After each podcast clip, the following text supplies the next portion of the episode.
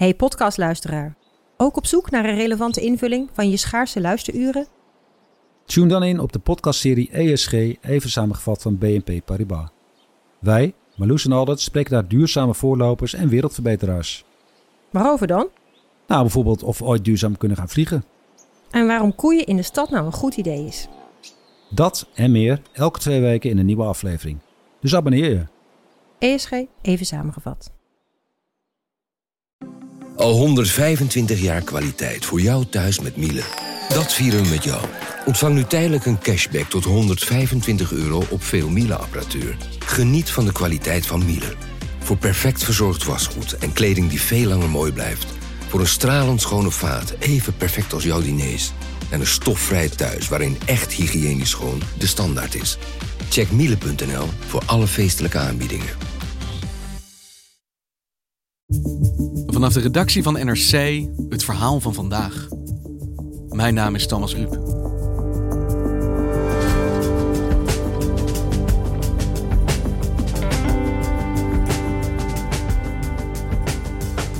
Eigenlijk is het probleem doodsimpel.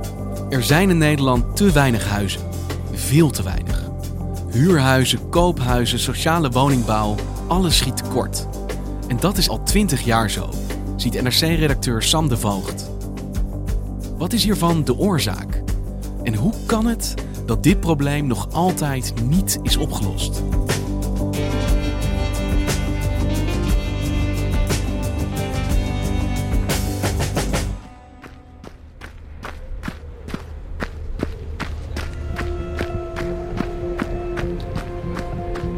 Nou, we moeten allemaal zoveel mogelijk thuis blijven. Natuurlijk vanwege het coronavirus. En ik woon zelf in Amsterdam.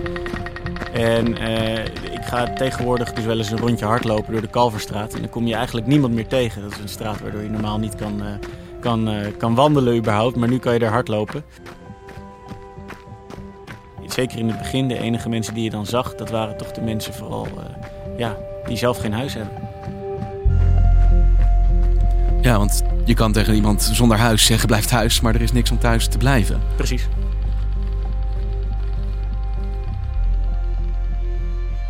Er zijn dus 40.000 Nederlanders die, die helemaal geen huis hebben. Dat is in 10 jaar is dat getal verdubbeld.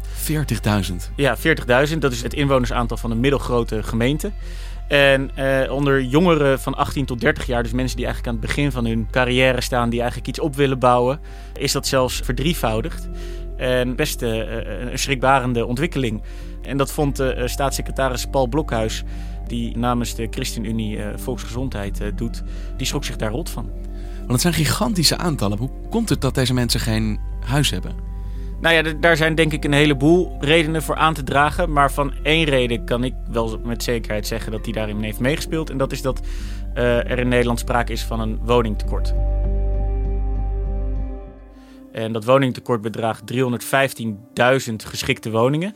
Er zijn ongeveer 8 miljoen woningen in Nederland. Dus je hebt het dan over 4, 5 procent tekort. En dat is ongezond. Het gekke is, als het gaat over woningtekort, bij mij altijd een soort gevoel ontstaat van ja, het is dus moeilijker om een woning te vinden. Er zijn meer mensen, ze verdringen elkaar op de markt, maar ze zijn er dus natuurlijk gewoon niet. Dat is de definitie van een tekort. Nou, ja, precies. Ze zijn er niet, inderdaad. En dat komt omdat er de afgelopen jaren te weinig gebouwd is. En, en nu is de situatie zo erg dat je dus uh, die toename van het aantal daklozen ziet. Dat jongeren op zoek naar een eerste huis gewoon niet meer aan een woning kunnen komen. Dat de verplegers die we nu zo hard nodig hebben tijdens de coronacrisis geen huis meer kunnen kopen in de grote steden. Uh, nou ja, en dat is wel echt problematisch. Nederland zit gewoon met een probleem hier. Ja. En wij zijn eigenlijk eens gaan kijken van dat woontekort, dat was er niet zomaar opeens. Dat is een uh, ontwikkeling die zich gestaag door de jaren heen heeft ontwikkeld. Mijn collega uh, Bernard Hulsman uh, schreef hier twintig jaar geleden ook veel over. Bijvoorbeeld in 2002 schreef hij een artikel met, ik pak het er even bij, met als titel De Nieuwe Woningnood. En eigenlijk de eerste zin van dat stuk is... Deregulering en privatisering waren ook in de Nederlandse woningbouw toverwoorden in de jaren 90. Het resultaat is dat sinds de jaren 30 nog nooit zo weinig woningen werden gebouwd als nu. Want het is 20 jaar geleden en eigenlijk lees je in de krant een zin die je nu ook zou kunnen lezen. Het tekort was toen al gigantisch. Ja, je zou misschien zelfs wel kunnen stellen dat het tekort nu nog groter is dan toen. Want als we teruggaan naar dat moment, wat was er destijds aan de hand? Wat was de oorzaak dat er op dat moment zo'n groot tekort was? Nou, in 2002 zie je dat uh, het tekort aan woningen zich begint af te tekenen. En de directe aanleiding daarvoor is de dotcom-crisis. Snelle en spectaculaire winsten werden voorspeld, maar daar kwam in de praktijk niks van terecht. Dus de internetzeebel is uit elkaar gespat. Businesses went bust, resulting in the loss of billions of dollars. Dat zorgt voor een lichte economische recessie. En dat heeft ook zijn gevolgen voor uh, de bouw- en uh, woonsector. Maar wat je eigenlijk nog beter ziet en wat ook een, belangrijkere reden is voor dat tekort aan woningen wat zich begint te tonen, uh, dat zijn de eerste tekenen van het privatiseringsbeleid uh, dat de overheid is gaan voeren uh, sinds de jaren 90, ook op het gebied van de woningmarkt.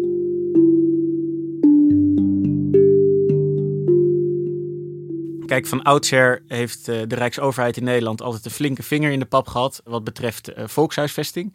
Wonen is een grondrecht. En dus bemoeit de overheid zich ermee wie, waar en wanneer kan wonen.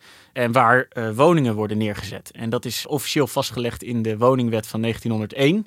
En de 90 jaren daarna was de Rijksoverheid toch wel de belangrijkste partij die bepaalde waar en wanneer er gebouwd werd. Tussen 1997 en 2015 moeten er ten westen van Utrecht zo'n 30.000 woningen verrijzen voor 100.000 mensen. En het meest recente en eigenlijk ook laatste voorbeeld waarbij de Rijksoverheid dat heel nadrukkelijk heeft gedaan, was met de bouw van de Vinex-wijken. Tot de eeuwwisseling moeten er nog ruim 200.000 woningen worden gebouwd op locaties die door het Rijk zijn aangewezen. En in het Haagse jargon worden die Vinex-locaties genoemd. En in de uh, 10, 12, 13 jaar uh, daarna zijn die ook daadwerkelijk verschenen. Uh, maar die Phoenixwijken zouden de laatste generatie buitenwijken zijn die onder de regie van de Rijksoverheid zijn gebouwd. Want het past eigenlijk in een langlopende opvatting. Eh, burgers hebben recht op een woning of om te wonen. Dus ligt daar een taak voor de landelijke overheid om daar ook voor te zorgen. Ja, dat klopt. En uh, die nood is wel eens uh, minder uh, groot geweest en ook groter. Kijk bijvoorbeeld naar de Tweede Wereldoorlog, de wederopbouw daarna. Daarin speelde de Rijksoverheid een hele grote rol met het neerzetten van nieuwe woningen. Maar sinds begin jaren 90 kreeg het liberale gedachtegoed steeds meer grond onder de voeten. De zorg wordt steeds meer geprivatiseerd. De NS wordt afgestoten en uh, commercieel bedrijf van gemaakt. En eigenlijk kun je de woningwet van 2015 als het afsluitstuk van die transitie zien. Want sindsdien heeft de Rijksoverheid eigenlijk niks meer te maken met het woningmarktbeleid. Maar zijn het de gemeentes en de provincies die daarover gaan. Maar ik hoor eigenlijk twee tegenstrijdige ontwikkelingen. Want aan de ene kant heb je dus een overheid die ja, de woningmarkt loslaat, uh, daar niet zoveel meer mee te maken wil hebben. Maar aan de andere kant heb je een nijpend woningtekort, wat ook al speelt. Hoe moet je dat tegelijk zien? Ja, destijds in 2002 uh, uh, waren er inderdaad al geluiden over een woningtekort dat zich begon af te tekenen. Tegelijkertijd waren de Phoenixwijken toen nog niet volgebouwd. Dus er was nog genoeg plek in Nederland waar er nog een heleboel woningen gerealiseerd konden worden. Um, en je zag uh, de VVD in de, uh, in de regering komen. Eerst als partij naast het CDA, maar later ook als grootste partij. toen begonnen de kabinetten Rutte. Die waren eigenlijk van mening dat er niet meer gebouwd hoefde te worden. En vervolgens wordt in 2010 wordt het ministerie van Vrom afgeschaft. Volkshuisvesting, Ruimtelijke Ordening en Milieubeheer.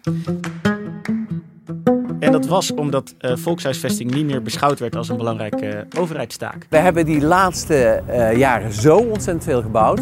niet alleen voor de vraag die er was, want er was geen vraag, maar voornamelijk aan de aanbodzijde. We hebben... Nou, er komt dan nog daarna in 2013 de huidige Rijksbouwmeester Frits van Dongen was dat op dat moment, dat Nederland helemaal niet meer hoefde te bouwen. Er wordt niet meer gebouwd in Nederland, denk ik. hoop ik ook. Nog weer drie jaar later, dus dan zijn we inmiddels in 2016, beweerde de huidige Rijksbouwmeester Floris van Alkemade dat er geen nieuwbouw meer nodig is, omdat we met uh, transformatie van bestaande gebouwen, zoals kantoren en bedrijfsgebouwen, tot woningen wel zouden volstaan. En uh, de meest recente en vind ik ook wel pregnante voorbeeld was uh, minister Stef Blok. Hij is tegenwoordig minister van Buitenlandse Zaken. Maar hij is ook een tijdje minister van Wonen en Rijksdienst geweest. En ehm, hij heeft dat ministerie eigenlijk gewoon opgeheven. En daar was hij hartstikke trots op. En waarom, zei hij? Nou, omdat de woningmarkt af was. Want wat wordt er dan precies mee bedoeld, met af? Nou, dat uh, er dus in ieder geval wat betreft uh, de bebouwde omgeving qua woningen, dat uh, Nederland er wel genoeg van had. Want men ging er destijds van uit dat Nederland in de nabije toekomst een krimpland zou worden. Er wonen nu 16,3 miljoen mensen in Nederland. Dat aantal stijgt nog tot 2035, dan zijn we met 17 miljoen. En dat bleek eigenlijk een, een verkeerde voorspelling. Een krimpende bevolking betekent dus ook andere toekomstplannen. Zijn die Finex-locaties nog nodig? Die huizen? Alles komt in een ander licht te staan met minder mensen.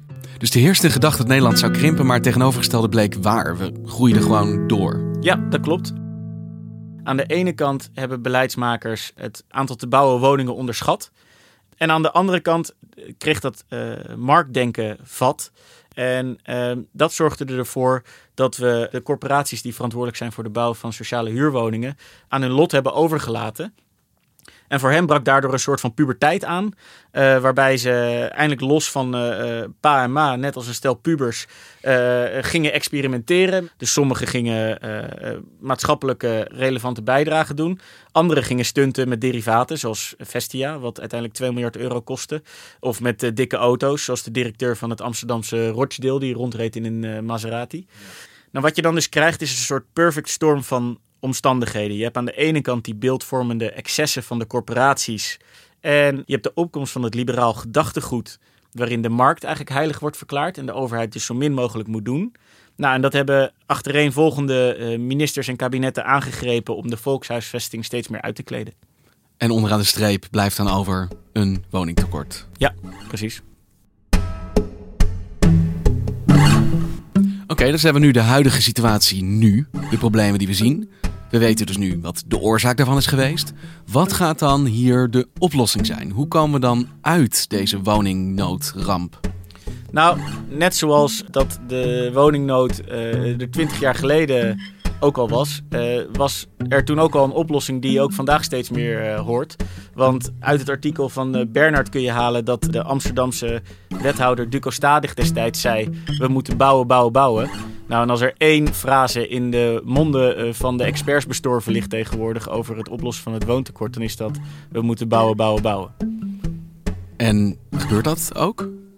Nou ja, sinds een paar jaar staat tekort op de woningmarkt wel weer echt op de politieke agenda. De minister van Binnenlandse Zaken, Kasia Longren, kreeg een nadrukkelijke opdracht mee om zich ook met de woningmarkt te gaan bemoeien gewoon creatief zijn. Want er moeten veel woningen bij in alle categorieën van uh, sociale woningbouw tot koopwoningen, uh, middenhuur, uh, woningen voor ouderen, woningen voor starters, ja, eigenlijk voor iedereen. En dat resulteerde in mei 2018 in haar presentatie van de Nationale Woonagenda. Om aan de vraag te blijven voldoen, moeten tot 2025 minstens 75.000 woningen per jaar gebouwd worden. Ja, dus dat de, eigenlijk de Nederlandse overheid zegt... misschien is die woningmarkt en dat tekort toch ook wel een beetje ons pakje aan. Dan kunnen we dat niet zomaar aan zichzelf overlaten. Ja, dat klopt. Vrijwel de hele Tweede Kamer vindt dat dit kabinet te weinig doet... aan het oplossen van het woningtekort. De problemen zijn nu zo groot, en dat ziet, zien ze ook in Den Haag...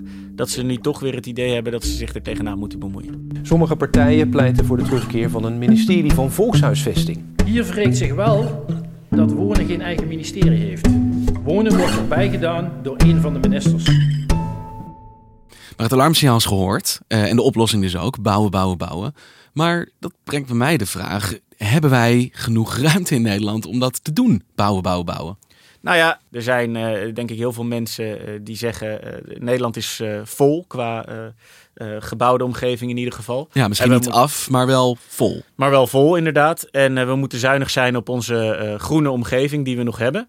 Maar we spraken bijvoorbeeld ook uh, hoogleraar uh, Peter Boelhouwer, uh, hoogleraar woningmarkt aan de Technische Universiteit Delft. En die is er heilig van overtuigd dat Nederland helemaal niet vol is. Kijk, in Nederland is het grootste deel van het land is bestemd als landbouwgrond of akkerbouwgrond. En daarvan zou je best een, een klein deel anders kunnen bestemmen, bijvoorbeeld voor woningbouw. En Peter Boelhouwer is ervan overtuigd dat als je dat doet, dat je op die manier het woningtekort kan oplossen. Ja, dus kijk vooral buiten de stad als je wil uitbreiden. Nou, daar is ook nog wel een discussie over, uh, gaande. Want uh, je ziet dat steeds meer mensen naar de stad trekken. Omdat ze daar graag gebruik willen maken van alle voorzieningen die een stad te bieden heeft. Maar dat binnenstedelijk bouwen, dat is wel lastig. Omdat er dus al heel veel mensen wonen en al heel veel bebouwing staat. Is het vaak tot anderhalf keer duurder dan buiten de stedelijke grenzen bouwen. En duurt het ook tot twee keer langer dan buiten de stedelijke grenzen bouwen. En je moet je voorstellen dat uh, een woningbouwproject überhaupt al gemiddeld zeven jaar duurt. Dus als je daar nog een keer twee doet, dan ben je 15 jaar verder. Dus uh, wat je ook hoort, is dat je het allemaal tegelijk zou moeten doen. Je moet en uh, bestaande gebouwen transformeren in, in woningen. Je moet en binnen de stad nieuwe gebouwen gaan neerzetten. Je moet en een aantal weilanden toch wel volbouwen met nieuwe wijken. En alleen op die manier kun je het probleem in zijn geheel oplossen. Dus we hebben dus nu weer een overheid die dit probleem ziet, die zegt we gaan dit doen, we gaan meer bouwen. Uh, en er is dus ruimte te vinden. In hoeverre is de huidige situatie, de coronacrisis en de onheilspellende economische situatie die ons te wachten staat, uh, hier een speler die roet in het eten gooit? Nou, het werkt vertragend volgens mij vooral. Je zag vorig jaar al toen de problematiek rond PFAS begon, toen de stikstofproblematiek begon, dat de bouw daardoor een flinke knauw kreeg. En er zijn ook instituties die hier al naar gekeken hebben. Het Economisch Instituut voor de Bouw. En die heeft een paar weken geleden prognoses verspreid dat zij verwachten dat de nieuwbouwproductie door de coronacrisis eh, de komende twee jaar met 20% zal afnemen. Ook nog, dus dat komt er toch nog bovenop. Ja, en uh, dat is eigenlijk heel erg jammer, want afgelopen jaren zag je er wel weer een kleine stijgende lijn in, in de, in de woningbouwproductie. Met volgens mij 71.000 nieuwbouwwoningen in 2018. Maar afgelopen jaar zag je alweer een daling. En uh, die daling zal zich dus uh, ja, volgens de experts de komende jaren uh, weer verder doorzetten.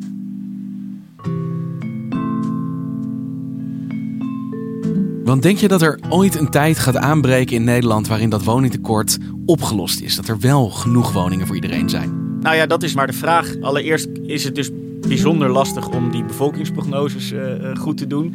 Blijkt wel als je terugkijkt naar de afgelopen jaren. Uh, daarnaast hebben we nog een hele grote achterstand in te halen. Los van het huidige tekort van 315.000 woningen hebben we de, tot 2030 waarschijnlijk 1 miljoen nieuwe woningen nodig. En als je ziet dat dan uh, corona nog wel even gaat duren, dat we ook stikstof nog niet hebben opgelost, dan zijn er nog allerlei beren op de weg. We moeten die woningen allemaal ook nog verduurzamen. Dus uh, ja, er liggen genoeg opgaves voor ons in de toekomst. Um, daarnaast is het de vraag of je dat woningtekort wel helemaal wil oplossen. Of je het wil oplossen. Of je het wil oplossen, ja. Want we hebben weliswaar de marktwerking te veel de vrije hand gegeven de afgelopen 20, 30 jaar. Maar een beetje marktwerking is wel goed. Want stel dat er uh, het vraag en aanbod volledig in evenwicht zou zijn, of dat er zelfs meer aanbod zou zijn dan vraag, dan gaan de huizenprijzen dalen. En huizenprijzen zijn een ontzettend belangrijke factor in de economie. Want als mensen zien dat hun huis meer waard wordt, gaan ze meestal ook meer uitgaven doen. Bijvoorbeeld uh, uh, toch een nieuwe dakkapel. Uh, op die manier is de woningmarkt een hele belangrijke economische motor. En om die economie te stuwen, moeten dus huizenprijzen ook wel altijd ofwel steeds ietsje meer waard worden, of in ieder geval op hetzelfde niveau blijven. Dus je hebt eigenlijk altijd een klein tekort nodig. En experts zijn het erover eens dat 1% tekort van het totale aantal woningen dat je hebt, dat dat ongeveer gezond is. Maar ja, daar zijn we nog lang niet. Want we zitten nu op 4, 5%. Ja, dus we hebben nog wel een weg te gaan. Ja.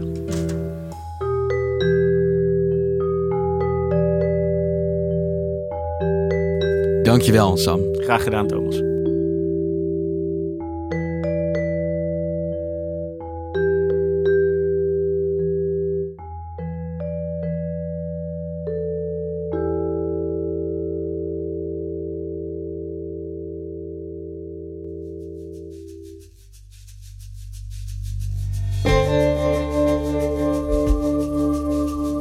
Luistert naar vandaag en we volgen de ontwikkelingen rond de corona-uitbraak natuurlijk op de voet. Zoals in Italië, waar de Italianen sinds maandag voor het eerst in twee maanden weer de straat op mogen. Voor meer dan boodschap of medische zorg. Ik bel met buitenlandredacteur Mark Leijendekker in Rome.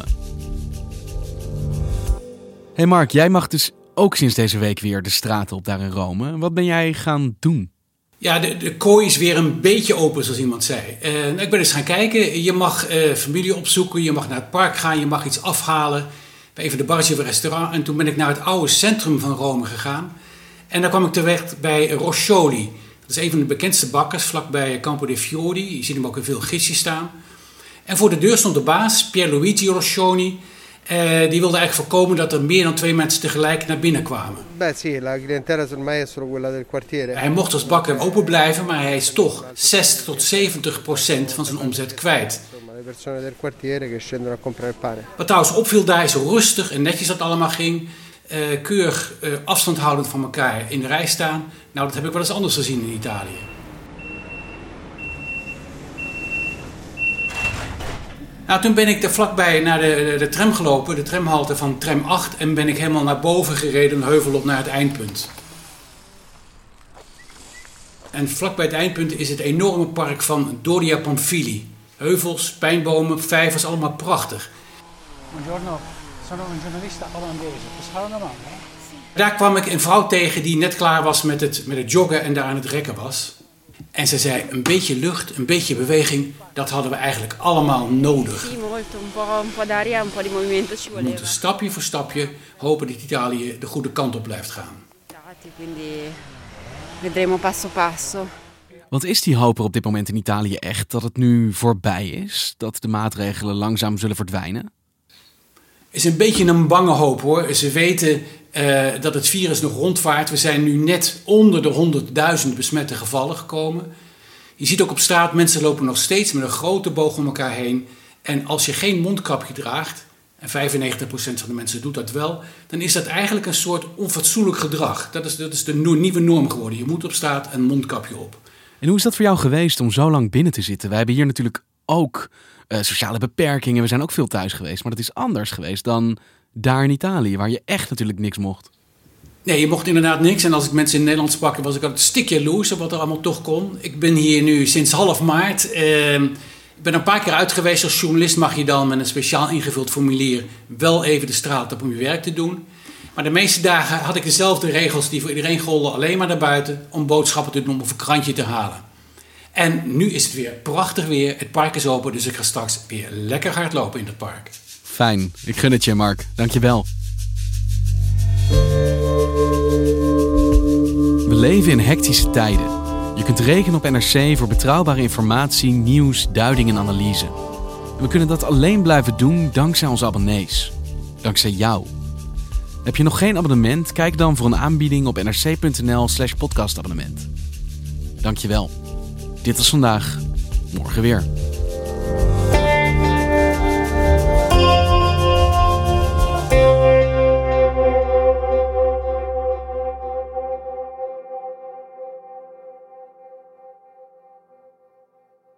Technologie lijkt tegenwoordig het antwoord op iedere uitdaging. Bij PwC zien we dit anders. Als we de potentie van technologie willen benutten, kunnen we niet zonder een menselijk perspectief. Human-led, tech-powered noemen we dat. Ga naar pwc.nl.